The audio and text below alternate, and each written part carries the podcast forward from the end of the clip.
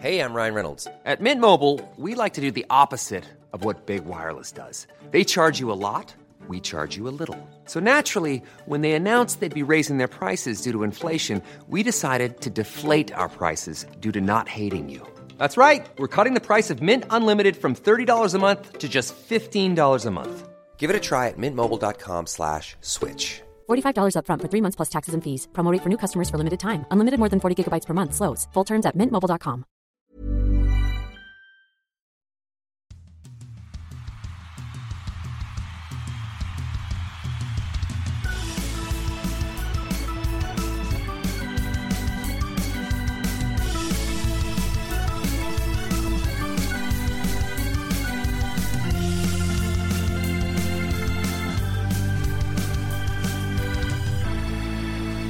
Välkomna ska ni vara till ett nytt avsnitt av Ringside. Vi sitter i Stockholm och i Småland för att eh, ge er eh, lite uppdateringar om vad som hänt i Hockeyallsvenskan den här veckan och i hockeyn i allmänhet.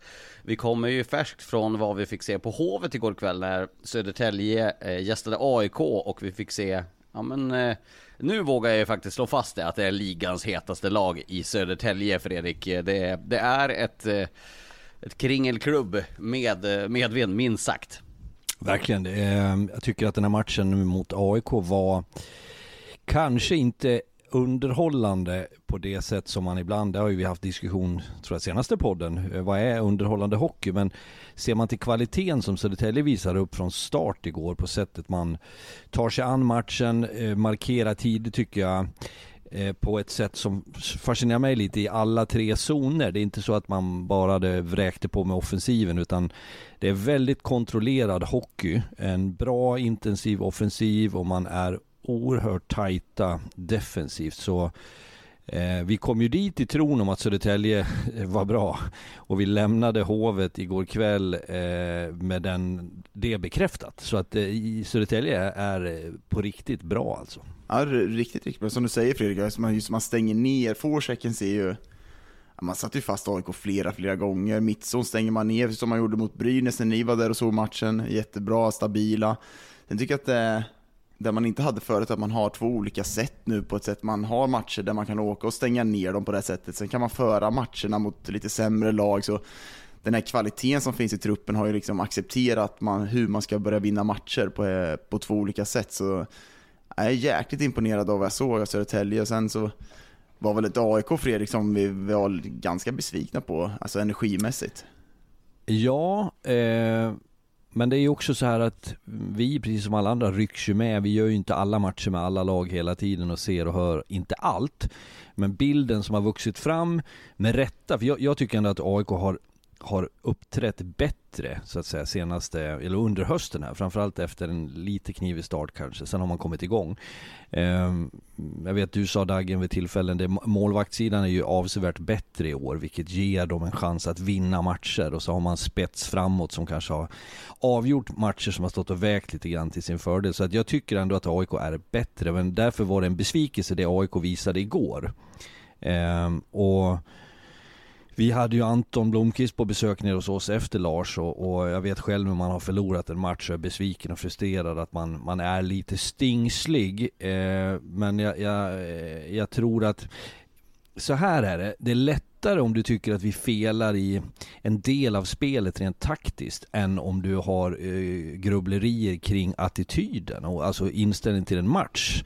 Det får ju inte det ska ju inte vara så. Det är mycket svårare. Det är inget du går igenom på video. Så har man ändrat det. Det, det, det sätter ett stort frågetecken. Jag tycker inte att de var med igår. Men det är ju några matcher nu. Vi hade Taif borta. De släpper till 40 skott som eh, Anton var väldigt negativ till. Du har Nybro hemma senast som var väldigt dåligt. Vi har den här prestationen man kommer ut nu. Vad är den här energinivån när man kommer ut? Alltså, alltså den, nu måste man ju ändå säga döda stämningen som var på Hovet igår. Alltså det var ju eh, alltså, lika bra som Hovet kan vara när det är fullsatt och bra drag lika jäkla dåligt var det igår när inte laget vaknar på rätt sida och de får med sig publiken på det sättet liksom. Så, sen har man ju tredje perioden där när man kommer igång lite, man har det här powerplay som är, ja, det är ju riktigt bra. Riktigt, riktigt bra powerplay som man flyttar pucken på ett grymt sätt, har attack, eh, du har Nord, du har Brook framför mål som, och Bagenda där, alltså det finns så mycket hot på olika ställen som gör att man tar sig in i den här matchen på något konstigt sätt som Jag tycker liksom Men- Södertälje kontrollerar på Jag, jag ska ändå säga att även om det blir dramatik siffermässigt, det är 3-4, man skapar någon chans, så hade det varit vansinnigt orättvist. Ja, ja, Så ja, det var liksom inte att man spelmässigt åt sig fatt, utan det var snarare de där målen som du är inne på som gör den skillnaden. Och där tycker jag blir det intressant också, jag tittade mycket i Södertäljes bås då, när man hamnade i den där situationen och för tio matcher sen så hade Södertälje inte hanterat det som man gjorde igår. Det, det finns ett lugn, det finns en kontroll, man litar på de spelarna som kliver in, man tar en rätt tek på någon, någon plats, man tar ett byte eller två där man är lite förståndigare. Det är sånt här som är ett, ett vinnande lags eh, karaktär. Mm.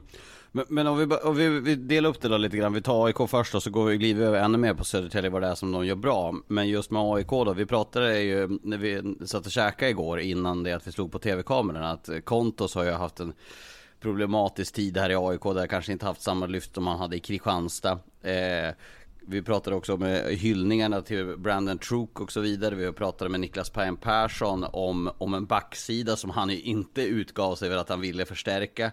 Vad, vad ser ni för, eh, om vi säger så här då. Var är bekymren i AIK förutom att man liksom inte kommer upp till den där, den där högre lägstanivån som man haft tidigare under säsongen Dagen? Eh, men det där kommer ju, det där kommer komma och gå under säsongen, alltså det är sådär. Speciellt, men sen eh, bara kort om Kontos, där, jag tycker liksom Jag gillar ju Kontos, jag kanske har det i, i mig från den tiden han var i Kristianstad, men liksom, han, den senaste tiden har han alltså spelat med Ingber Nilsson och Nord. Var han får liksom satt sig i den situationen för att han ska kunna vara bra också. Alltså den rollen ska han inte han ha, jag tycker han ska spela högre, han spelar med Truck för att kunna ge han chansen och liksom peta in. Han har varit skadad några matcher, kommer tillbaka. Sen den här liksom, AIK, helheten har varit problem under hela tiden, under flera år. De kommer komma och gå. Men jag tycker att det var de här senaste matcherna, energimässigt, att man inte kommer igång där. Har man fått lite liksom, för mycket vatten på sin kvarn, att man har kanske varit lite bättre än vad man trodde och sen gått ner i prestation. Däremot har man ett powerplay som tar sig in i matcher. Man har två målvakter som kan rädda, som kan stå emot. Och det har man inte haft de andra säsongerna. Powerplay har man haft, men inte två målvakter. Något att tillägga på AIK Fredrik? Bara att eh, jag tycker ju att det finns en, alltså jag, jag, om jag zoomar ut och tittar lite grann, bortsett från matchen igår och kanske någon enstaka innan, så tycker jag att AIK är bättre. Bättre än de har varit tidigare. Jag tycker det är mer, det är mycket tydligare på sättet de vill spela på. Jag tycker att det känns som att du har fler spelare som också klarar av att leda laget. Inte bara i Truk som gör målen, utan att det finns det finns i alla delar av spelet en större trygghet och stabilitet. Sen är det ju så att ska du mopsa upp det mot de bästa lagen, ska du vara topp fyra, då kan du aldrig någonsin eh, ta en, en kväll off. Eh, och, och, och jag hävdar och vidhåller att det är någonting som man behöver sortera ut i den där gruppen och i det där laget. Att Fast den här liksom säsongen kan man ju det för att alla lag i ligan verkar göra det. Jo men inte om du, alltså inte om du i slutändan ska vara det bästa laget. Eh, då, då räcker inte det och AIK har i mina ögon inte förutsättningar att vara topp tre om jag ser till truppen och förutsättningar. Men ska de bråka med topp tre, för det är ju glädjande nog så i hockey att du kan överträffa dig själv. Då måste du ha en konstant arbetsinsats, ett fysiskt spel, ett start och stopp. De här basala grejerna som är så viktiga. Det kan aldrig AIK göra avkall på. Det tyckte jag varit bättre den här säsongen. Förra året så sa jag att jag tyckte det var mellanmjölk. Alltså fruktansvärt mycket mellanmjölk i den här truppen. Men i år tycker jag ändå att det har funnits till de här senaste matcherna, de här prestationerna man har haft. Jag fråga vad mellanmjölk betyder? Ja men det är väl att det är helt enkelt slätstruket. Ja, det är ingenting Ja, som är för bra. Det är inte lätt mjölk så det är nyttigt och det blir inte grön mjölk så det blir superbra. Så det är någonting mittemellan. Är Eh, du nöjd Dagen med att Lars svarade åt dig där? Ja, ja, ja, men jag tycker att det var en jättebra beskrivning. Bra. Ja, jag slänger mycket med mellanmjölk. Med Ja men det är så ett begrepp, jag menar inte att det är något fel, det är bara att jag tror att du, jag var nyfiken att höra vad du vävde in i det. Mm. Och det svarade Lars på. varsågoda, varsågoda. Vi ska tillägga det, med in, jag ska försöka att komma tillbaka till Ska jag ämnet säga så här istället? En, eh, mellanöl. Ja. Man får något gött i mun, men det är inte det, är inte, det, är inte det där ruset. Ja men de är väl bra, är det inte folköl då? Folk, För det är folk, ju folköl, jo, folköl Folköl blir ju där, mellanöl det blir ju det är ju lite finare. Den är Okej, fin. okej, ja, men folkis då. Men Jag älskar ju folkis, men Man får inte det där. Jag tror vi går vidare. Nej, men tror på, bara en passus igår för, för Daggen, jag anade ju oråd igår. Jag, Ja, såg jag- Ju, jag såg ju faktiskt, eh, eh, jag såg ju faktiskt döden i vitögat igår. För Jag med. jag såg Fredrik Söderström, vi vet ju, nu ska vi inte romantisera nikotinvanor här. Mm. Men jag vet hur det är att leva i närhet med en som snusar i ett som sl- försöker sluta. Eh, med tanke på att när min sambo var gravid, eh, när vi väntade vårt första barn. Igår så ser jag alltså att Fredrik Söderström rycker upp en Onico efter middagen. Och då var han vresig och ganska otrevlig redan under middagen. Så det, Ja, men- det, det här kan ju bli riktigt illa. Ja men liksom vad fan, jag sitter och vi går igenom körschema som vi gör med våran producent tillsammans med Tobbe Karlsson, Lars, med dig, Lars och Fredrik. Och jag har ju ändå åkt tunnelbana med Fredrik då innan och tänker så här, fan han är, det är, li, det är någonting som inte stämmer här. Eh, kommer till det här körisk och igenom, då säger jag så här att vi skulle prata om hur man ska stänga ner Marcus Eriksson och Linus Widell och jag säger att det här älskar jag som spelare. Ska du spela eller? Börjar Fredrik. Ska du spela Men du eller? Ja, då? kan du hoppa in då? Du då? Du då? Jag tänkte, vad, vad är det som händer? Han, du vet blicken liksom, fan. Du var grinig, du hade inte fått ditt nikotin Fredrik, du hade köpt Så här fel. är det mina herrar. Det ni sysslar med, och även det här morgonhumöret ni är inne på, det, det, ni försöker det är ett karaktärsmord på en i övrigt sympatisk och väldigt lugn människa. Men jag har förmågan först att säga, ibland kan jag inte hålla käften, då säger jag vad jag tycker. Det kan uppfattas som lite grinigt. Sen försöker jag inte sluta snusa, jag tänkte jag skulle parera med lite Onico, så att ni kan vara lugn. Jag, eh, och officiellt snusar jag fortfarande inte. Kan du inte göra det efter säsongen så vi slipper ha Jag ska, jag ska noga överväga det, men eh, ni får vara beredda när, eh, ja, jag ska vara försiktig. När det Ja, kommer. det. Vi går tillbaka till, till AIK och till, till matchen igår. Eh, någonting som jag har, har liksom gått och tänkt på ett tag, det, det är ju det här att jag tycker att det är vissa spelare, jag ska inte bli allt för hård mot vissa, men det är ju vissa spelare som jag tycker att det är för ofta man inte märker av dem i AIK som ska vara ledande spelare.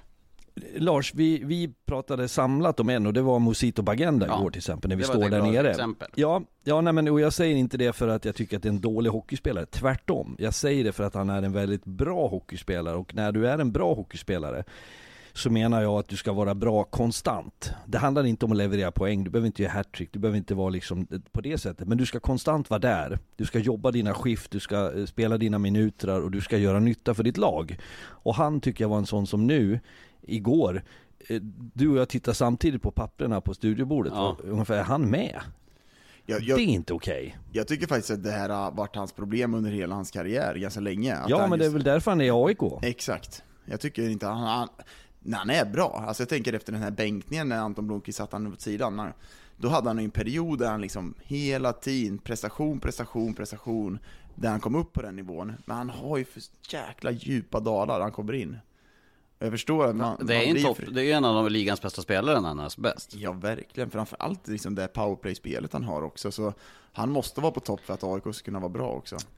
Men sen, jag ska flika in en grej som är kopplat till det där. Jag pratade med en tränare i ligan igår, i Hockeyallsvenskan, som sa till mig det var tidigare på dagen, som, så kom vi in på någonting och så frågade jag om en spelare och då svarade den här tränaren att ja men det är därför att han är i Hockeyallsvenskan. Och jag tror ibland, det kan låta lite ofint när jag uttrycker mig på det sättet om en spelare, men, men vi ska komma ihåg att är du tillräckligt bra, det finns några få undantag på spelare som väljer Hockeyallsvenskan av andra skäl, men den stora massan ska vara på uppåtgående, ska försöka nå någonstans och vill till SHL. Och det är klart att det finns ju defekter hos tränare, domare, spelare när du inte är på den yppersta nivån. Och det kan vara en sån faktor, rent generellt, vi vill inte prata enskilda spelare, utan att du klarar inte av eh, för det är det som jag tycker många gånger är så fint när du ser på SHL-spelare eller på högsta nivå, att de är konstanter.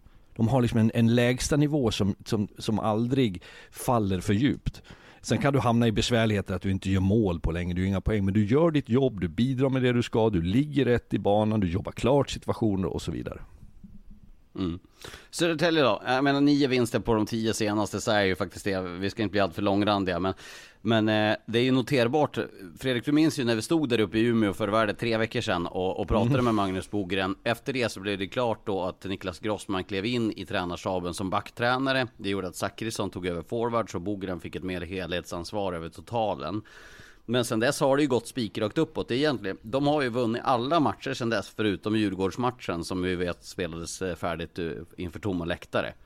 Så, så Ja. det har ju varit vansinnigt bra sen dess. Ja, det är urstarkt. Sen ska jag säga direkt att det här med Grossman, jag tar ingenting från honom. Det är, det, han har ju en, en enorm karriär eh, som spelare och känns som att han har en en karaktär som, som gör att han är liksom tuff eh, även i sitt ledarskap. Men jag tror inte att Eh, även om eh, Bogren ofta, när jag pratar med honom som efter matchen igår till exempel, så, så creddar han Grossman. Men det är ju inte så att man har förändrat någonting, utan jag tycker det var en smidig övergång. Det har gjort dem bättre, men det, det handlar inte om att han har sagt eller gjort någonting. Jag ser dock det som jag minns också från den Björklöven-matchen var att jag pratade i studion om att jag hade varit i, där på morgonen i samband med värmningen och, och hängde lite där med tränarna och i, lite spelare och surrade.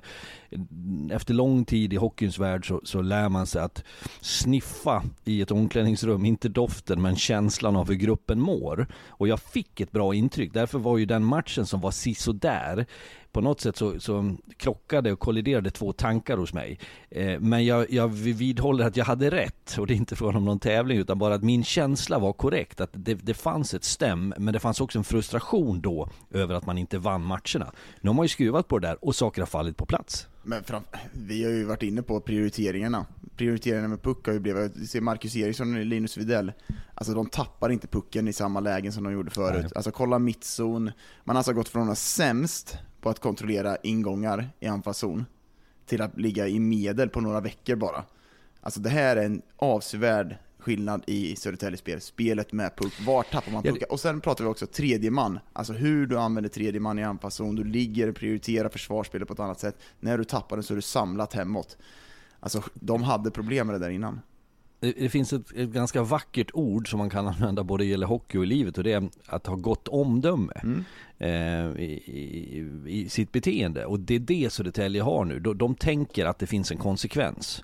Eh, då sätter man inte sina lagkamrater i skiten. Vi var inne på Scholl, jag pratade med Georgsson i veckan som Eh, på ett väldigt bra sätt hade vi ett resonemang kring hans målvaktsspel och vi hade uppe det till diskussion någon gång förut. Han tyckte kanske att vi hade varit lite kritiska, eh, för kritiska mot Scholl utan att vi sågade, det var inte alls något hårt i, i vårt snack. Utan han sammankopplade det med det vi också har pratat om, det vill säga försvarsspelet som blir sämre om du tappar puckar på fel ställen. Så de har ju knutit ihop rätt saker ja, nu. Mm. Sen så kolla på, vi var ju kritiska, vad var det, två månader sedan vi var kritiska i, i Superfredagen när vi satt och hade ett rit på dem med de här värderingarna ganska mot Blomstrand och Dyk. Om vi ska kolla Blomstrand och Dyk igår, alltså de gör jobbet. Linus Widell och Marcus Eriksson gör jobbet, alla gör det. De har fått det liksom att det, det är arbetsinsatsen som ska vara först och främst. Det känns som lyckan. Ja, och sen bara kort sen ska... om Scholl.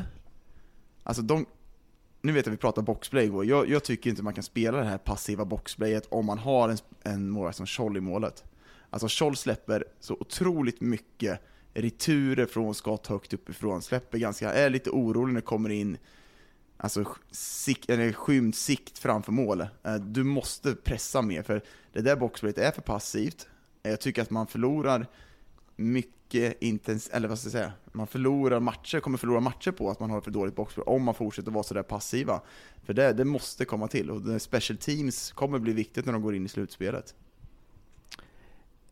Jag ska också addera att jag man ska komma ihåg en sak, när lag vinner, när de mår bra, som Södertälje gör just nu, du får så mycket gratis på köpet. Det blir lättare att vara tränare, att ställa krav på gruppen. Det är lättare med coachningen att du Eh, kan markera på ett lindrigare sätt, sätta någon ett byte eller två, flytta en position på någon och så vet du att nu vinner vi, det går bra, jag måste upp i nivå. När du är i ett förlorande lag så saknar du verktyg ibland, du vill liksom inte trycka till dem och det betyder plågsammare vardag. Så att med det sagt menar jag att Södertälje befinner sig just nu i sin prime. Mm. Eh, de kommer att förlora hockeymatcher igen, var så säker. Eh, för det gör alla hockeylag. Och då blir det lite intressant att se vad reaktionen på det blir. Ja. Två, två grejer om Thomas Scholl bara för att eh, flika in där på, på att ge lite avancerad statistik på det. Eh, de, de målvakter som är bäst i ligan statistiskt sett och då kollar man då på hur många mål som de har räddat eh, jämfört med hur många som då förväntas att de ska rädda så är Ignace bäst. Han har alltså räddat nästan nio mål mer än vad han ska ta liksom för att vara en normal målvakt. Det är alltså förväntade mål kontra hur många de har släppt in. Eh, Jonna Voutilainen, han har minus tre, så han har, liksom, han har räddat tre fler än vad han ska. Och Scholl på andra sidan släppt in nästan nio för många. Så det är ju faktiskt bara några målvakter. De som har sämre i ligan, det är Hällnemo, Edvin Olofsson, Helgen Smed, Lindbäck och Stålberg. Fast jag, Annars, jag, ska faktiskt, jag ska försvara lite det som Fredrik är inne på. Hur har, de, hur har chanserna kommit till? Alltså innan. De har ju fått två mot ett, tre mot tvåor, friläge mot sig. Du ser ju inte, du ser en stabilare målvakt nu, du ser en stabilare försvarsspel på ett helt annat sätt som prioriterar de här sakerna. Så jag tror att Scholl kommer bli bättre. Alltså, eller han är bra. Så. flika in en, en eh, statistik eh, eh, tanke man ska ha med sig också. Eh, eh, alla har inte tillgång till den här underliggande och tack gode gud har inte alla det för den kommer fördärva denna värld om det är det som ska leda oss framåt i alla det kan vara det som gör att vi faller över Ruinens brant faktiskt. Ja, jag skulle tro att det står någon jävel där och räknar upp något XG i, i nej då. Eh, Men, men det är att man, eh, när man tittar på den här enklare statistiken om jag uttrycker mig så, som man ser kanske i, i appen kring resultat och så, så, så Eh, Södertäljes boxplay, du är inne på Dagen, det är inte tillräckligt bra. Men det är inte så uselt som siffrorna säger när man har skaffat sig ett helvete tidigt. Eh, så det många lag gör, och jag vet tränare också, eh, är att man kanske tittar på senaste fem, senaste tio, när du vill se en korrigering. Eh, så att man inte fastnar i för, för gamla siffror. Mm. Då har de dålig Eh. statistik också, bara så vi vet. Ja. Nu, nu går vi Lindberg vidare. viftar nu. Ja, nu viftar det, vi har ett helvete med den här programledaren. Den enda på TV4 som gestikulerar till oss, oavsett om det är TV eller podd, och säger att nu räcker det, prata kortare, prata fortare, prata saktare. Det är Lars Lindberg. Så, virar Ibland upp så. Det, det är någon form av makt, den. eh, maktmissbruk Ja, som, är eh, som, för, Men vi skiter högaktningsfullt i det, vet jag. Ja, det kan jag mycket väl tänka mig. Eh, gällande bottenstriden då? Nu vevar jag mer bara för att komma med tassen. Det är som ett hundsim. Eh, bottenstriden igår. Vi måste börja först med Karls- Karlskoga då. Vad hände där? De hade en 5-2 seger. Nu är det alltså sex stycken, eh, sex stycken segrar har Karlskoga efter 24 omgångar efter ordinarie tid. 5-2 seger, de, låg ju, de tappade. Ja men de ledde med 5-2, Ja. tappade. Ja, De leder ju både med 1-3, de leder med 2-5. En, jag koll- kolla matchen i efterhand. Alltså, den här matchen kan bli, det kan bli 20-20. Alltså det är så mycket målchanser, så vi pratar om prioriteringar på försvarsspel. Alltså det är ett icke-existerande försvarsspel i både Västervik och Karlskoga just nu. Och det jag vet inte hur många frilägen Helgin Smed tar i den här matchen och det är ett virrvarv i, i försvarszon och det är för många ledande spelare i Karlskoga som gömmer sig, som inte tar ansvar för hur man ska spela. Du kan kasta en spelidé åt helvete så länge inte de spelarna gör det man har kommit överens om och framförallt så är det jobbet. Jag ser ju en panik. Jag ser ju en, en, ett stresspåslag i spelet som är eh, uppenbart och som Verkligen. påverkar liksom utförandet. Och det där tror jag också man ska ha förståelse för att man känner stressen, det blir kritik, det, det, det, det rullar igång någonting. Men då är det desto viktigare att man eh, på något sätt eh, gör det lite mer, alltså förenkla. Eh, och du är inne på, du pratar om playbook och spelidé. Det är klart att den ligger ju och susar i, i bakgrunden från, från i våra somras såklart man börjar implementera tänket. Men det är i ledarskapet, och det här säger jag inte specifikt på Karlskoga utan rent generellt så, så vet jag också av egen erfarenhet att ibland så ser man 150 problem framför sig och man försöker att peta i alla dem på en och samma gång vilket skapar en, en, en spretighet.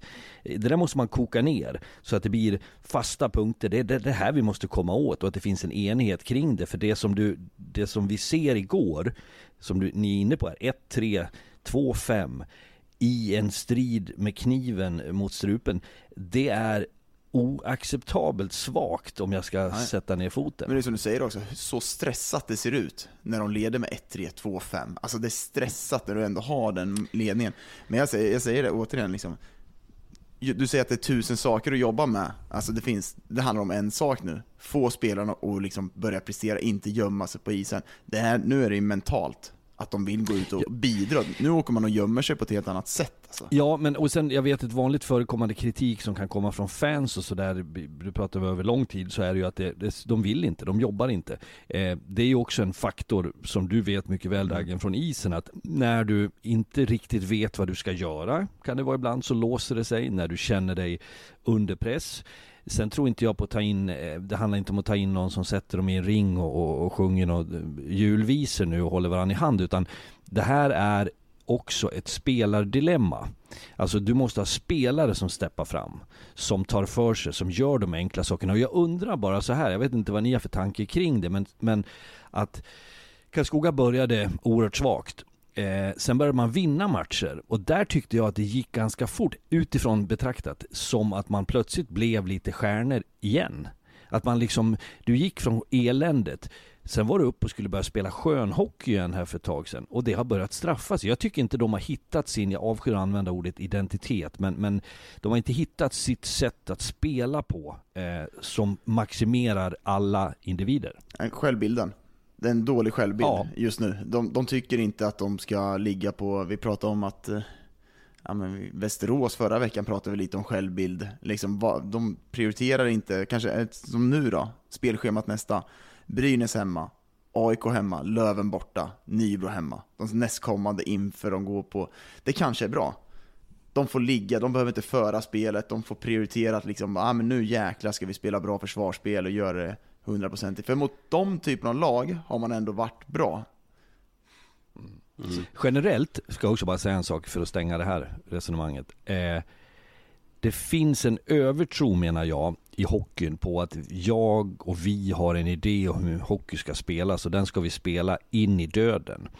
Jag menar att när du hamnar i olika faser under en säsong, när du går tungt, när du går knackigt, då måste du hitta tillbaka till att plocka poäng. Då får du spela lite snålare hockey. Du får vara, bete dig på ett annat sätt som gör att vi får segrarna. För det är när du vinner matcher, det Södertälje befinner sig i nu som är en kontrast till de här lagen vi nämner och är inne på nu. De kan ha en helt annan eh, argumentation inom gruppen och driva på förändringar i spelet för de har en buffert och den befinner sig inte Karlskoga i. Som, vi pra- eh, som jag sa innan, liksom, Brynäs hemma, AIK hemma, Nybro hemma, innan jul, Löven borta på det. Alltså det kan bli en tuff julfirande om man inte gör men jag tror också att vi pratar om ekonomi eh, med flera lag här. Liksom, vad, ska, vad ska man kunna göra för att få hit mer folk?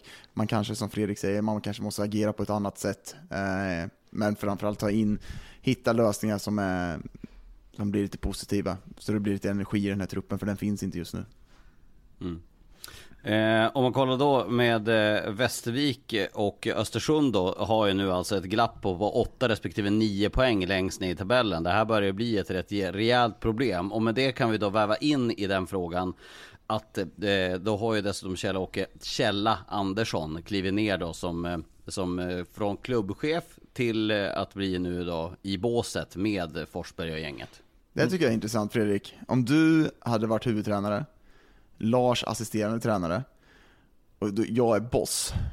Och jag kommer in och Varför säger Varför valde du de här? Eh, Nej, jag, jag, ja, jag undrar också. Det blev, så bara, det blev så bara. Men ni förstår vad jag menar. Hur ja. hade du känt om du, om din chef hade kommit ner och sagt nu ska jag vara assisterande tränare till mm. dig?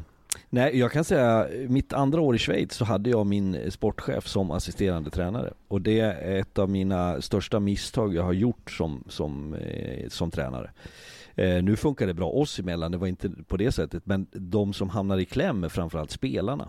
För, för hockeyspelare så vill man att det ska vara tydligt att chefen är där uppe, eh, det här är tränaren, det här är assisterande tränaren. Det, det, blir på något sätt kategorier som man vill förhålla sig till. Så att jag tror inte att det är optimalt. Sen är min känsla vad gäller Östersund att de, det är en familjär förening som de är mycket närmare varandra och jag vet ju att Källa har varit nära laget ändå trots den här, är det klubbdirektör han har haft som titel eller var klubbchef eller vad? vad? Klubbchef har jag ja. för mig jag, jag är inte hundra procent säker men jag, jag från eh, dra ur brallan direkt så tror jag klubb. För sen har ju de... är väl att hans arbetsbeskrivning är så här listan är ju tusen ord ja. med arbetsbeskrivning. Och så, så är det ju mindre klubbar. Sen har ju ja. de eh, Sveriges mest anonyma sportchef, som jag inte vet hur ser ut och jag har aldrig träffat honom tror jag. Per Tagesson. Eh, ja. Men som jag inte med det menar att han skulle vara dålig på något sätt. Det är bara att vi har aldrig korsat eh, våra vägar. Han kanske vill ha en diskret framtoning. Men eh, jag känner kanske att det här ryktes nu, vad blir nästa steg? Nu förlorar man en, en vansinnigt tuff match mot, eller matchen kanske inte var tuff, men det var tufft att torska mot Tingsryd, 4-3. Eh, vad händer om man fortsätter gå kräftgång? Eh, hur ska man rensa då? Ska man skicka tillbaks folk på andra jobb? Jag, jag, svårt de, de gjorde det ändå ganska alltså, lägligt favorittid. De har alltså Tingsryd nu, sen nästkommande alltså Kalmar mot Almtuna. Jag trodde man hade en plan liksom för att få in lite energi ofta. för att kunna ta det. Ja. Eh, Mm.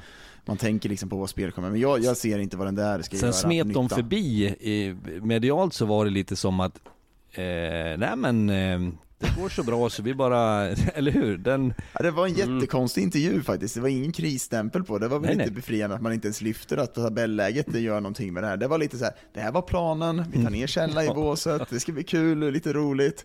Ja, inte att man ligger liksom sist i serien och är ganska krisande stämpel på det, men Kommunikatör 1A, vinklar positivt. det var så här skrattig intervju liksom. Det var, ja, det var väldigt konstigt måste jag säga. Men jag, jag, jag ser inte vad den där ska göra för nytta, för jag, jag tror Jo Käll- men Källa är tillbaka. Jo men Källa har tillbaka. varit med. Källa har varit nära det laget hela tiden. Att han står på bänken, ja, jag vet inte om det är, är den rätta vägen att gå. Ja. Eh, med Östersund, jag tycker att vi går vidare till nästa lag där nere, Västervik. Alltså nu har ju det börjat hända grejer i Västervik här. Till att börja med, vart ska vi börja i? Nu ska vi göra lite grepp här om Västervik. Och jag har tre punkter som ju sticker ut här.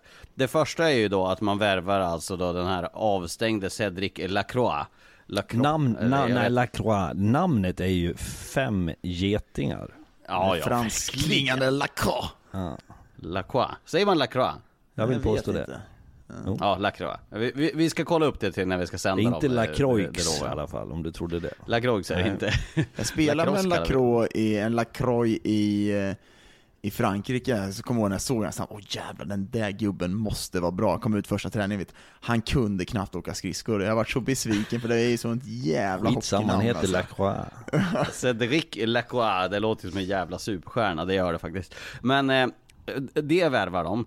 Och eh, han är alltså då av, vad var, han var avstängd för att han skallade någon kille i, För i andra gången, helt enkelt. För andra Ja. gången också. Kolla förresten, kolla den videon, hur man beskriver den här situationen och hur, liksom, varför man gör avstängning på den. Jäkla fem plus på liksom, från, jag vet inte om det är disciplinnämnden eller om det är någon privatperson som har gjort det, men det är jävligt bra förklarat. Ja, det ska jag kolla på. Det, det nästa stora problem som Västervik har, förutom att de eh, ligger näst sist i tabellen och har sju poäng upp till säker mark. Det är ju det att eh, de ska ju tacka Oskarshamn, deras eh, nästan granne, för att de släppte iväg en spelare som gör att Modo fick in en forward.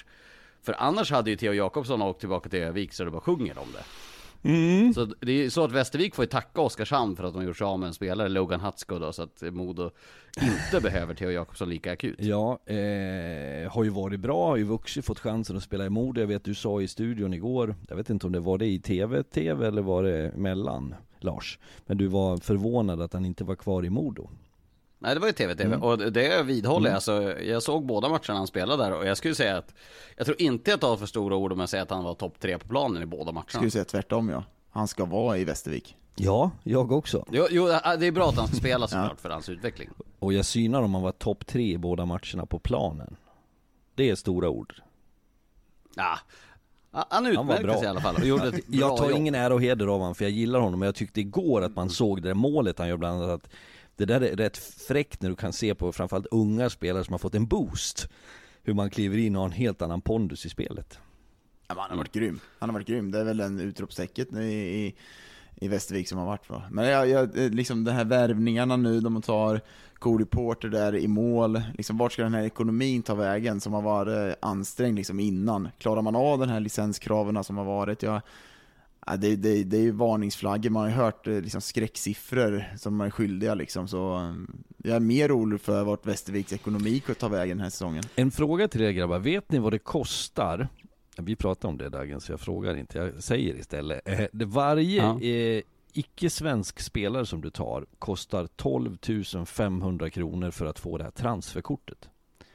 Eh, om man säger liksom, vi ska plocka en spelare som har varit i Österrike, nu kommer han, då, då lär det vara transferkort. 12 500 kronor. Eh, Och det svider i deras plånbok där.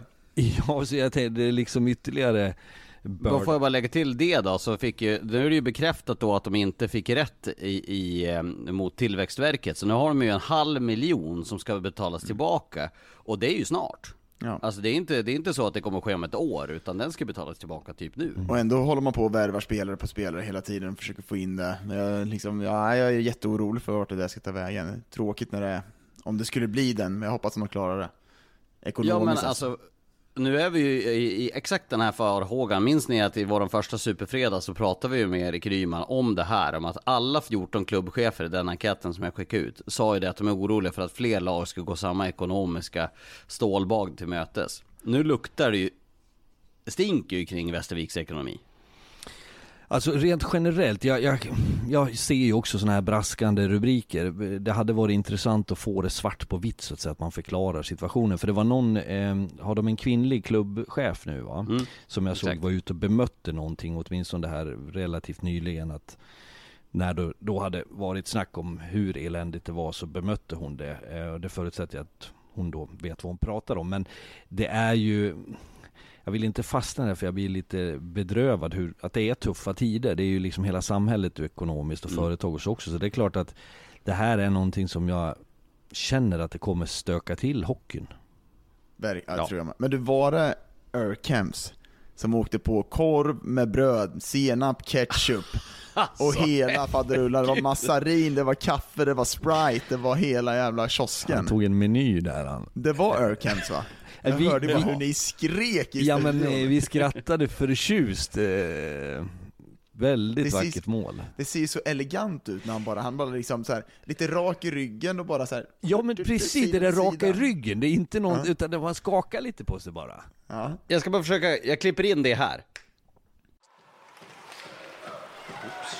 1-3 också.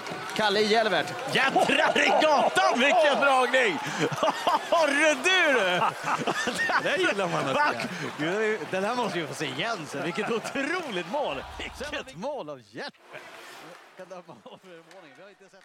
Men det är ju fantastiskt just då Fredrik, vi vet ju hur det funkar för oss för att ibland har ju inte vi sett de andra målen om det har varit någonting i våra matcher och så dyker det där bara upp och våran reaktion blev ju verkligen såhär, jävlar i gatan! Jo men det, det ser mål." inte så, vi vet att det ska komma ett mål. Vi kan förklara det där att det körs ut bilder Ja. till oss och vi får det i örat. Ja men nu kommer highlights där och så ser vi. Och det är, det är lite svårt, vet ju du också Dagen, att, att prata till mål du inte har sett. Inte sett. Eh, så vill du först få en känsla av, okej situationen. Men här var det, kom det så oerhört hjärtligt och spontant, det skrattet, så jag tror halva hovet måste ha funderat vad som hände mellan båsen när vi såg det där. Men det var ett, Jelvert gör ett vansinnigt fint mål. ja, det är riktigt snyggt. Ja. Det är riktigt snyggt. Jag ska dela det, jag tror faktiskt det finns på TV4s eh, sociala medier. Jag ska bara till, tillägga också att eh, Petra Axelsson så heter Västerviks, eh, Ja. eh, och hon som har uttalat sig i det här. Eh, då vet vi det. Men Västervik, jättejobbigt läge för dem och bottenstriden lär ju fortsätta här i Hockeyallsvenskan så att det, det sjunger om det. Eh, ska vi, vart vill ni gå nu? Ska vi ta Greve och Mora by, eh, Djurgården? Vill ni upp till Umeå och snacka om krisen där? Ska vi snacka om Brynäs och Västerås? Vart vill ni? Ni får välja. Vi tar det till den gode Greve som har fått fyra matcher för en... Ja, För en korkad tackling. Ja, Så- ja det känns ju verkligen. helt genomtänkt. Nej men det där, det där, vi, jag, jag, först när jag såg det kommer upp i, i min telefon så ser jag att det Greve fem minuter, så tänker jag så här, ah, vi har inte sett situationen, tänker så här, nu är det en tackling där han har, när någon har vridit upp ryggen på ett konstigt sätt, men den där tacklingen som Greve gör igår, alltså han ser direkt på teckningarna, nummer, nummer, ryggen tydligt, och han sätter en, en tackling, alltså det där är vårdslöst, det där är idiotisk handling. Han har, han har tid att kunna gå på högersidan och gå mot puck. Istället väljer han att ta den där tacklingen, så ja, det där är minst fyra matcher. Han fick ju fyra. Fyra. Ja, precis. Men eh, Fredrik, du instämmer att fyra känns ungefär rätt för det. Du var inne på det direkt när du fick se den första gången också, att det där är en avstängning. Mm, däremot så har jag så, vad som blir, hur många matcher det blir, det har jag fortfarande inte lärt mig. Jag tror att jag är lite korkad, för det är liksom, oj, sju där, tre här. Så det, men jag tycker det är rimligt att det blir avstängning och att fyra matcher, jag kan leva med det, för jag tycker också, behöver inte upprepa oss, det är en, en, en respektlös tackling, den är onödigt kraftfull, du får inte ut något spelmässigt taktiskt eh, som, som gör spelet bättre där, det är bara skaderisk. Sen kan ju många säga liksom att man ska vara med på den Det ska man vara, men, ska, men Jag säger så här, han måste scanna av på ett annat sätt. Jag tänker så här, när man står på tek, man ser att Greve är inne, vad kommer hända om pucken kommer ner dit? ja, Sen så ska inte han behöva ta en tackling i ryggen på det sättet, det ska han verkligen inte behöva göra. Han- Nej, och måste- jag tycker heller inte att man ska behöva... eh, Det är klart att du vet vilka som är på isen och att vissa spelar mer fysiskt, men du ska aldrig behöva tänka att nu kommer Greve och det innebär att jag kommer få en, en, en eh, tackling som det är Verkligen hög skaderisk på. Det spelar ingen roll vad fan du heter utan den där är dum. Eh, sen, sen finns det ju något, eh, finns ju massa uppsidor med Greves sätt att spela på, han har ju varit bra. Eh, men det där är, är, det där är fel och han åker på en femma och han får fyra matchers avstängning. Jag tycker vi sätter punkt där. Ja, det tycker jag också. Däremot, det har vi sagt. Återigen, Ignacev igår. Ignacev, alltså han stänger ner ännu en match för Mora. Alltså han är fruktansvärt bra. Jävlar vilken bra målvakt de har träffat rätt på i Mora. Vad, hur mycket hann du se av matchen igår? Han du kika? Jag har sett, jag har sett målchanser, och alltså målchanserna i den matchen. Och han är stor, lugn, trygg i målet, alltså sprider sånt jävla... Um, han, han ger ju chansen för det här Mora att vinna varje match. Alltså han är, tillsammans med några andra mål, men han är fan bäst i ligan. Jag tänkte att vi skulle ta ett rejält grepp på Mora nästa vecka med tanke på att vi ska se dem nu fredag kväll mot Södertälje och sådär. Så tänkte att då kan vi göra en rejäl, rejäl granskning av Mora till nästa vecka. För jag, jag har faktiskt inte sett Mora senaste veckan tror jag. Släpper jag en teaser för fredagskvällen där vi ska prata bland annat om väggen Ignacev. Eh, fullt rimligt. Yes. Och då tar vi mer om det även fredag kväll och nästa vecka. Eh, ska vi ta oss till eh, Umeå då, där Björklöven fortsätter att ha det kämpigt. En seger under ordinarie tid på de tio senaste matcherna. Eh, jag hörde till och med att det var, det var någon som hade framfört eh, kritik om att Viktor Ståhle skulle få sparken. Det känns väl lite grann som att... Ja, nu är det hög tid. Han måste bort. Han måste bort. ja, men lugn nu. Ja, men vad riktigt, vad är det för trams? Eh, ja, jag tycker att det där är, det, det är rent ut sagt trams. Men det som är problemet för Björklöven är ju att de, de har ju problem med spelet. Ja, det har de. Jag filosoferar ju kring sättet man spelar på som i sina ljusa stunder är väldigt underhållande, det är offensivt, det är effektivt. Men det medför också vissa risker och då måste man förstå att ska man spela den typen av hockey så ska du få utdelning. Men du kan inte släppa till så mycket. Vi pratade om det i samband med senaste Björklund-matchen. Vi gjorde siffrorna kring att man tappar folk högt upp. Man har flest mm. eh, liksom 3 mot 2, 4 mot 3, 5 mot 4 mot sig. Man blir därmed dålig att stänga den egna blå linjen. Man får motståndarna över sig. Så det finns saker att fundera på. Men jag vet också att både Kente och Stråle är envisa. De står fast vid mm. sitt spel. Ja men det där, alltså, det var så tydligt också i den matchen när vi såg liksom hur man liksom pinchar med backarna, inte har en hög trea som täpper till den. Eh, blir kontring på kontring. Jag tror att du måste ändra om det där lite för att du ska liksom hitta ett spel eh, där du vinner de här matcherna. För skickligheten som de vinner på, alltså är ju, alltså de är ju grymt bra när de träffar rätt. Den har ju också gått ner lite i kvalitet, alltså det går ju sådär i vågor. Ibland så är de bra, ibland träffar de rätt på det. Så det, det, det är likadant för dem som det är för AIK och Södertälje, det kommer gå i vågor för dem.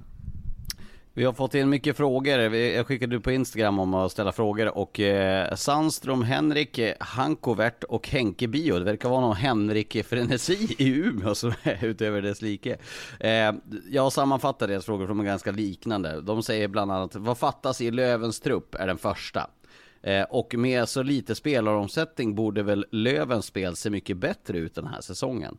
Vad säger ni om de två frågorna från Trippel-Henrik får vi kalla dem? Om, om jag skulle ta in någonting i Löven, då skulle jag ta in tyngd på forwardsidan.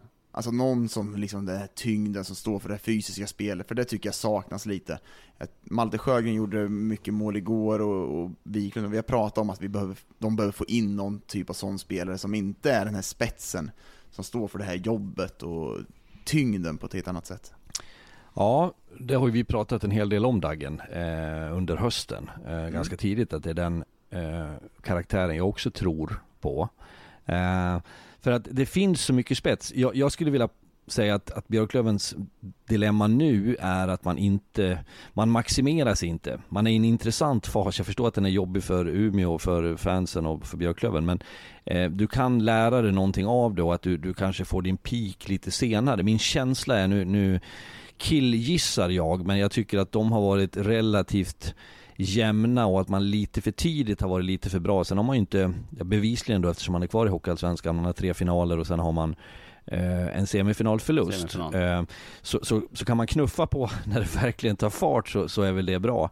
Jag eh, vidhåller, vi har pratat Södertälje om att deras sätt att spela på att vara eh, generös, man gav bort situationer eh, och ställde sitt eget försvar i dålig dager. Jag ser sådana likheter i, i Björklöven och då vet jag att man pratar om du hade en fråga på det var Lars kring om det, huruvida det var strukturellt Eh, eh, nej men vi fick en fråga som var det, håller ni med Kenta och Stråle att problemen inte är strukturella? Ja, Men, nej, jag gör inte det fullt ut. Om, om de nu menar, det är ett jävla fancy ord det där, strukturella problem. Eh, om, Eh, Per Kente, för att sätta det i kontext, så jag sa ju Per Kente det att ja, men det är inga strukturproblem vi har, det är inte där problematiken ligger. Det var väl i Västerbottens-Kuriren tror jag han sa det. Men, ja, då, då eh, ligger det på individuella misstag då eller?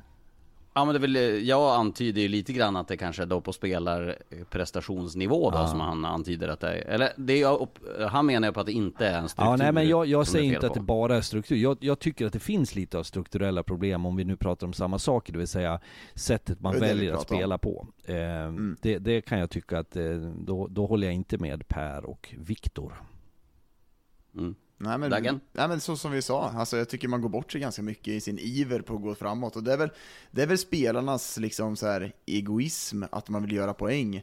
Men det är också liksom, då kanske man inte kan spela på det sättet heller som man gör just nu med det är ju väldigt liksom, du trycker fram väldigt mycket. Eh, Du tappar väldigt mycket folk framme i banan, precis som vi pratade om Södertälje, hur man tappar puck. Det är ju det som Björklöven gör också, man får ju de här två mot ettorna, tre mot tvåorna mot sig. Så till viss del så är det väl lite strukturella problem.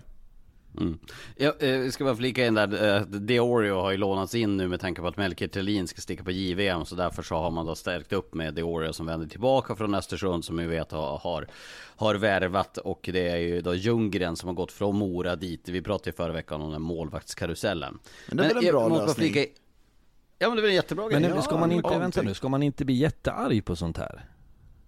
För att de lånar var av varann. Ja, jag, fansen jag blir det. inte det, men men blir fansen jättearga eller hur ser det där ut? Nej, jag tror att Östersund och Björklöven verkar inte ha något så jättemycket emot varandra. Men det är väl en klockren lösning för Björklöven, Ja. får in en kille som de vet vad de har i omklädningsrummet, uppskattar verkar ju vara, Eh, ska stå några matcher under JVM, perfekt. Mm. Mm, jag håller Ja. med. Rimlig lösning. Eh, jag måste bara säga två grejer från det här som jag tycker var lite lustigt. Det första är att det är ingen hemlighet att jag bor i Umeå med tanke på att eh, jag har då många där uppe som, som håller på Björklöven så fick jag ett sms bara Det är så jävla uselt under, under matchen igår. Och så sen i andra perioden då fick man tillbaka en selfie från samma person. Tumme upp, då hade de vänt till 3-2. Så det verkar som att det, det skiftade snabbt. Nu ska ni få höra en jävla kuriosa här.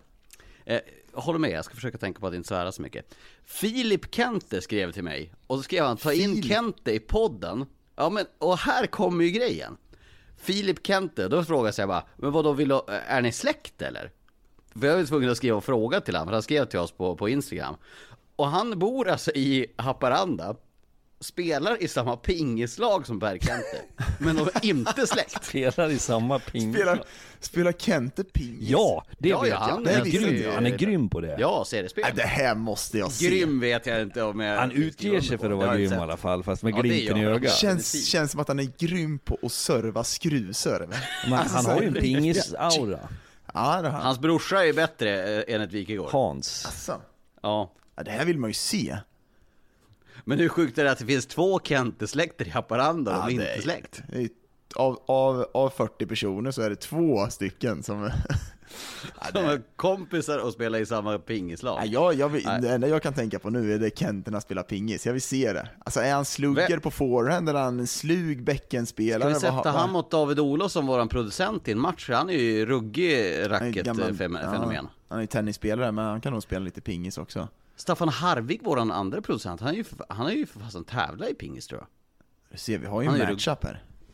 Va? Där har vi någonting, nästa gång i Umeå. Harvig mot Kente. Fred- och då får vi Fredrik se känns- dem hela släkten. Vet du med. vad Fredrik känns som? En sån här som när man kör runt pingis och så, Pingisdomare. ja men som la upp bollen så någon kom och smasha efter. Såklart. Lite såhär lobb hela tiden. Såklart. Jag var reserv i bästa trean eller vad fan hette pingisturneringen. Jag var inte så bra. Jag är inte så dålig som ni tror dock. Nej, jag ser att du är smart i spelet. Lobb. Ja, eh, jag tycker bara det var fascinerande. Västerås eh, åkte till Gävle igår, åkte hem med två poäng. Det tror jag väldigt få trodde när Linus Ölund gjorde 3-1 i den andra perioden, eller när man hade 2-0 tidigt där genom Indrashis och eh, när Jordi Ben hade fått göra det första målet. Men sen med- kom ju det som vi, eh, hur många, vi vet inte, ägnade vi 20 minuter åt det här förra Mm. veckan om att målvaktsmissarna. Och så gör Lindbäck en sån där rätt på bladet den här veckan igen. Ja. Ja, jag börjar nästan bli trött på att prata om det. Eh, för det är inte fråga om personförföljelse. Jag konstaterar bara att det är ett dilemma som är eh, som, som, som för Brynäs. Så är det bara. Och det, det, sen för, säger inte jag att man förlorar matchen enbart på grund av det där, för jag tycker det finns andra utmaningar också. Men såklart eh, Men det- stökigt. Det är imponerande då av Västerås, vi var ju ganska kritiska mot Västerås, de åker alltså upp med två nästan, två toppkedjor skadade och kommer upp till Brynäs och vinner den matchen. Men det, det är samma sak där, liksom. alltså självbilden på Västerås. De åker alltså upp, vad hade de, Löven stänger ner dem bra, prioriterar försvarsspelet. Här åker man alltså upp med två toppkedjor och liksom gör en defensiv bra insats mot ett Brynäs som är liksom starka. Så liksom självbilden att man inte Fan, hemmaplan mot Almtuna, du ska kunna spela det sättet också för att vinna matcher. Men lyssna på Karl Helmersson, han vill ju spela så. Ja, ja, ja, men det, jag tror inte spelarna köper det. Jag tror att man vill spela en frejdig hockey. Spela anfallshockey. Släpp sargen då i Västerås-spelarna. Men Hutchinson straff.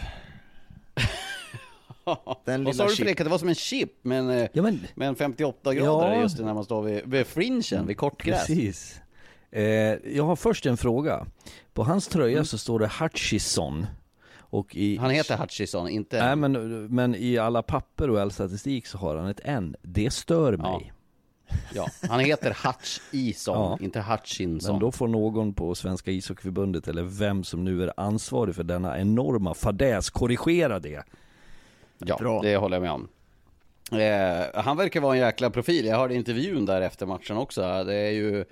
Jag förstår att han är likeable i Västerås. Mm. Nej, men han, är ju, han är ju otrolig framför mål, måste jag säga. Jag pratar om alltså, hans powerplay-kvalitet, men jag, jag är jävla konstigt med Västerås att man inte kan spela på lite mer cyniskt eh, på hemmaplan och framförallt mot lite förväntade lag som man tycker att man är bättre än. Eh, att man inte kan sätta det spelet då också. Jag tror att man har ett lag som tycker att man är lite för bra. Eh, självbilden är lite fel. Det man kan trösta sig med är att man visar uppsidor emellanåt och väldigt bra prestationer också. Det, det, jag tänker för laget och gruppen och, och, gruppen och ledningen så att, att det måste ju vara det, är det man strävar efter. Sen är det oerhört frustrerande för alla som håller på Västerås. Eh, det var någon när vi var där i fredags eh, som, som skrev till mig att hoppas inte du blir åksjuk av att följa eh, Västerås. Alltså att det finns en, eh, säkert en frustration, man kommer dit, nu är vi på gång och så boom ner. Och vi har ju skojat någon gång om att så fort vi har sagt som du nu sa Daggen att du fan det är starkt att åka till Gävle och plocka poäng.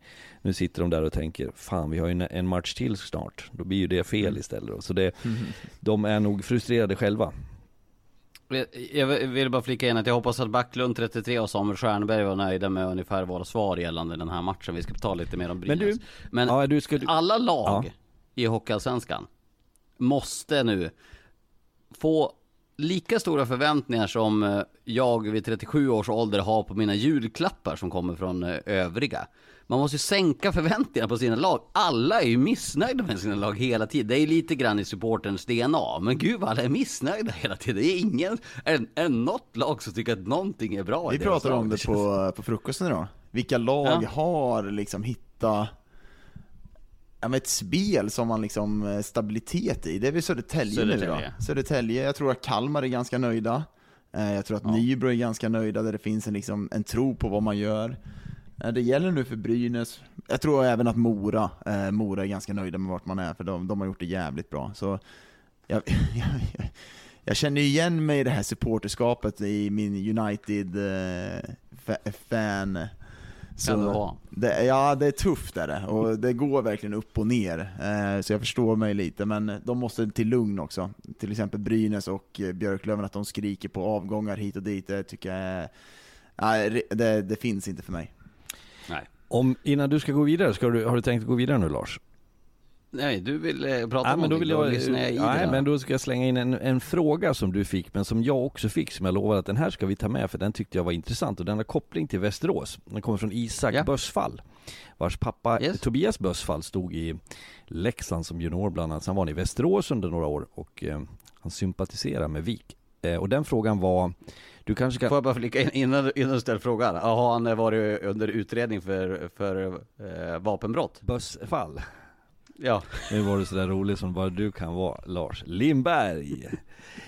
Eh, nej, och den frågan, du, du har den nedskriven, för den, det tror jag inte jag har. Läs den frågan, för den tyckte jag var intressant som Isak skickade in. Just det där. Eh, eh, Isak Bossfall, vilken lagkapten eh, tycker ni är den mest betydelsefulla i Hockeyallsvenskan? Jag tyckte det var en jättespännande fråga. Daggen, du är Ja, är gammal kul lagkapten. Ja, Jag har ja, bråkat det- med många lagkaptener. Säger du det själv då eller? Ja men det var han i Karlskoga Fjol var det här jag. som var för... Nej skojar. Nej fy fan. Nej jag, jag, jag har en Marcus Kryger. Ja. Eh, jag tycker Ja, att det är känns- ganska uppenbart eh, Ja. svar eh, på den frågan. Sen, sen tycker jag så här, och det är ju Kryger sticker ut. Däremot så tänkte jag ett varv efter att jag såg den här frågan. Eh, och det, med tanke på Djurgårdens läge nu så har han ju varit vansinnigt viktig, men, men att det också skiljer sig lite grann åt. Eh, går du upp till Björklöven, ja, vad står han där? Eh, Freddan. Freddan Andersson Gnestas stolthet. Eh, han har ju en personlighet som inte känns som Kryger. Jag tror inte att de skulle Han kanske inte är viktigast på isen. N- Nej, men en, en lagkapten, det där är en komplex fråga, vi ska inte fastna i det men eh, jag tänker att varje lag har liksom sin unika miljö. Varje gång vi säger att vi ska inte fastna i det så gör vi exakt men det vi gör. Då du påpekar det då ett varv så går det 20 sekunder. Eh, Östersund är det oerhört betydelsefullt i det läge man befinner sig och Västervik att en lagkapten, Karlskoga lika så just nu när man befinner sig i ett ansträngt läge, att du parerar mellan att vara, mm, klara av att ställa krav men också visa någon omtanke och få den här gruppen att faktiskt i elände ändå må bra så att du kan prestera. Så jag tycker det är en intressant fråga men jag tror att Kryger är den som har stuckit ut under sin tid i Djurgården nu. Håller du med Dagen? Nej, du jag, sa jag ju sa ju. Kryger. Mycket bra. Niklas Danielsson blir ny sportchef i Almtuna. Eh, the coach Fischer har skickat in Kimby till Almtuna då. Vem tar över? För att eh, det avslöjade Niklas Danielsson i intervjun vi hade i tv igår att han är ute på tränarjakt. Det blir hans första jobb. Så då har han ju i princip sagt då att Kimby blir inte kvar där utan då blir det väl till Djurgården då. Han har missat, han har inte fått mediakursen än att neka. Nej, han har inte gått där än. Eh, var frågan vem som ska in i Almtuna? Ja, det, vem tänker ni Ja där? men vet du att den här kom pang på. I nästa podd så ska ni få fem namn av mig på tränare som borde till, vara i Almtuna. Notera det Lars, du brukar vara koll. Yes. Jag kan nog tänka mig att Jimmy Andersson eh, är inte, eh, han kan han vara redo Fredrik? Anders Ström? Andre, ah, fan. Mm, ja, han, han, vi, vi, vi rattar in han. Vi, säger, vi avslöjar inga namn nu Eriksson. Vi spar till nästa. Nej, det vi blir ska prata ihop oss om fem spännande namn. Två ju- av dem, två av de namnen på den listan ska komma från Daggen.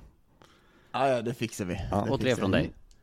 Men eh, han har ju en rejäl uppförsbacke, vi pratar om ekonomiska problem, alltså de har 500 personer på läktaren i princip.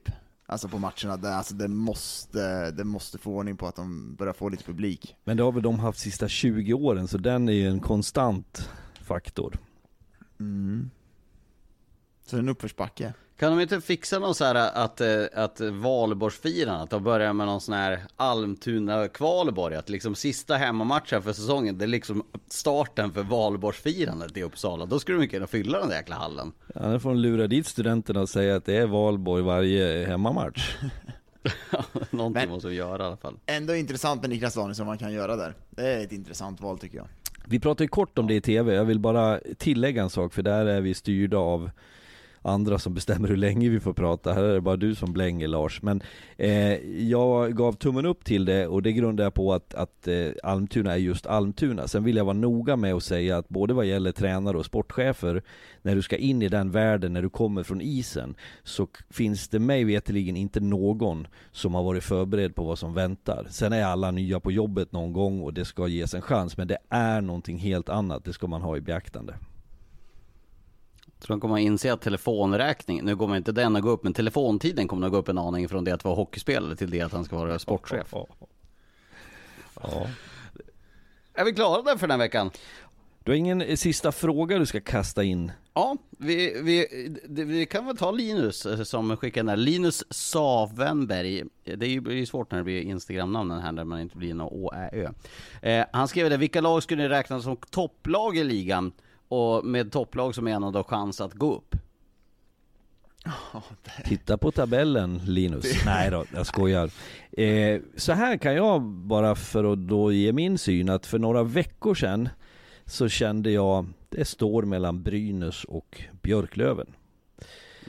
Men det har jag gått ifrån nu. Eh, jag är inte sämre än att jag kan ändra på mig som expert lite titt som tätt. Eh, jag tycker att nu är, hetast just nu i Södertälje.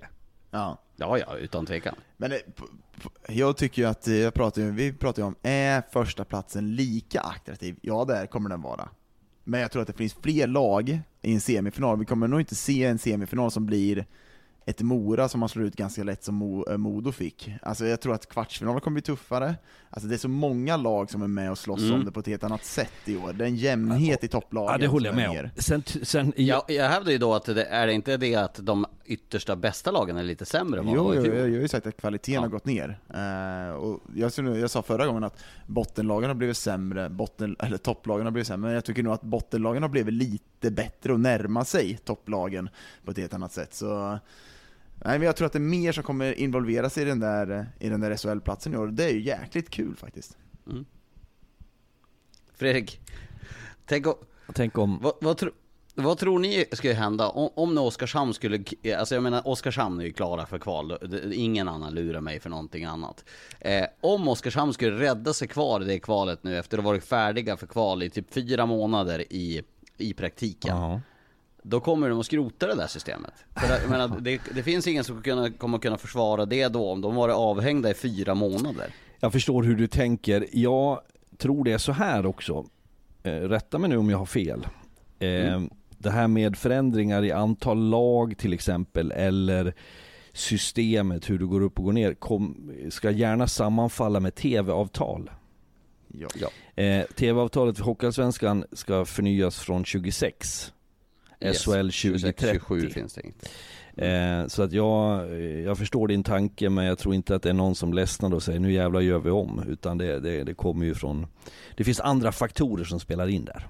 Men dock ska ju då sägas att eh, för, för att ändra kvalsystemet som det är, så har de ju nu, som jag förstått fått förklarat för mig, på Svenska ishockeyförbundets bord, så är det två alternativ som finns. Och det första det är att behålla som det är nu, med ett slutspel från Hockeyallsvenskan, exakt där ett lag går upp som Modo gjorde i våras, och ett, eh, där ett bästa av sju möte i negativt kval i SHL om vilket lag som åker ur. Alternativ två är att gå tillbaka till hur det var för tre år sedan. När man spelar ett, eh, ett direktkval. Först en hockeyallsvensk final, den här tills vidare serien och det här röriga som var innan som jag tycker generellt eh, blir för rörigt för att ens någon ska förstå. Men skillnaden är ju då att två lag kan skifta serie. Ja, jag, jag håller på att det här slutspelet ska finnas kvar i Hockeyallsvenskan. Jag tycker att det är en jäkla härlig, dels att spela som spelare så var det en höjning, eh, publikhöjning. För oss som tittar på TV och gör TV så var det ju också jäkligt bra, så jag hoppas att slutspelet fortsätter. Jag med. Men du, Då mitt sätter vi punkt. rånförsöket igår då? Ja, Ja, ska vi ta det? Ja. Eh, li- Sjukt skop. jag har Vi- vi varit kan väl på brottsplatsen idag Ja. igen. Har du det? Ja, men det, Ja. Utan att skoja, så du höll ju på att bli utsatt av eh, en ficktjuv igår. Ja, alltså de markerar ju mig ungefär lika som min bilkörning var, därför kände jag av att det var en ficktjuv som låg bakom mig. Men Alltså, vi det, kom- Känner, som talar känner igen emot, en idiot i trafiken när du kan. det som talar emot Dagen att det skulle vara ett, ett rånförsök. Du, du, du kallar också rån. Det, det synar jag för att leka GV här. Möjligtvis ficktjuvsförsök. Ficktjuv. Ja. Ja. Men det var att de här misstänkta förövarna, du ska snart få berätta storyn. Efter att det här dådet genomfördes så gick ju de framför oss som vanligt. Ja men det, det, det, det är precis så de eh, för sig. jobbar eller? Ja, Ja, de jobbar så. Ja. men vi kommer ju upp alltså från tunnelbanan, från Hovet, efter matchen. Ni går lite framför mig. Jag hamnar bakom er, två, bakom mig hamnar det två män. Som skuggar, jag känner ju det här ligger nära. Och sen när vi ska gå in i de här, vad, vad kallar man det för? Eh, när man ska betala eh, för att gå, ut betalningsmaskinen. Ja. då känner jag hur de här två knuffar mig lite i rumpan, de, de markerar mig. Och helt plötsligt, när jag vänder mig om, snabb som jag är, reptilsnabb som man är, ser man att väskan uppe. Då hade de bara fått tag på lite papper vet du, mina anteckningar från Det var det de var ute efter, Det var de det de var var så ute bra. efter.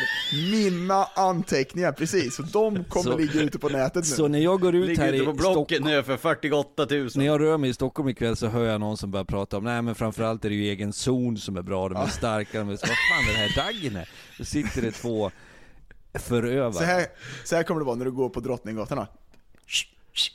Dagens anteckningar 40 000. och du bara 50, 50, ja, 50.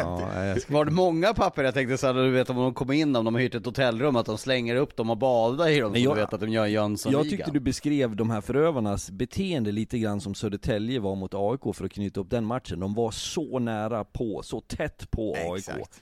Eh, så det kan ju ha varit att de också kom från Hovet, det vet vi ju inte. Har du begärt ut, det finns ju mycket kameror. Ja, Jag pratade ju om att det var bra markering, så de kanske tänkte nu måste vi ha den. Vad, vad är han äh, skriver ner här? Är det Därför något? de stal papperna också. Nej, det var obehagligt. Ja, jag det var, var lite det. chockad Ja. efter.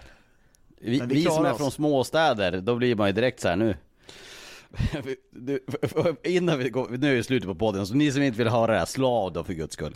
Men vi spekulerade lite grann sen då Daggen, att jag och du, vi hade nog kanske varit med så här hands-on, att du hade ju stått upp för dig själv. Fredrik, vi spekulerade att han hade lagt ett krokben. Nej men jag sa själv Ja, men- att jag ja. tror att jag är en, en fenomenal fällare.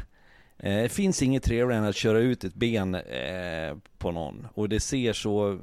Det blir effektfullt också.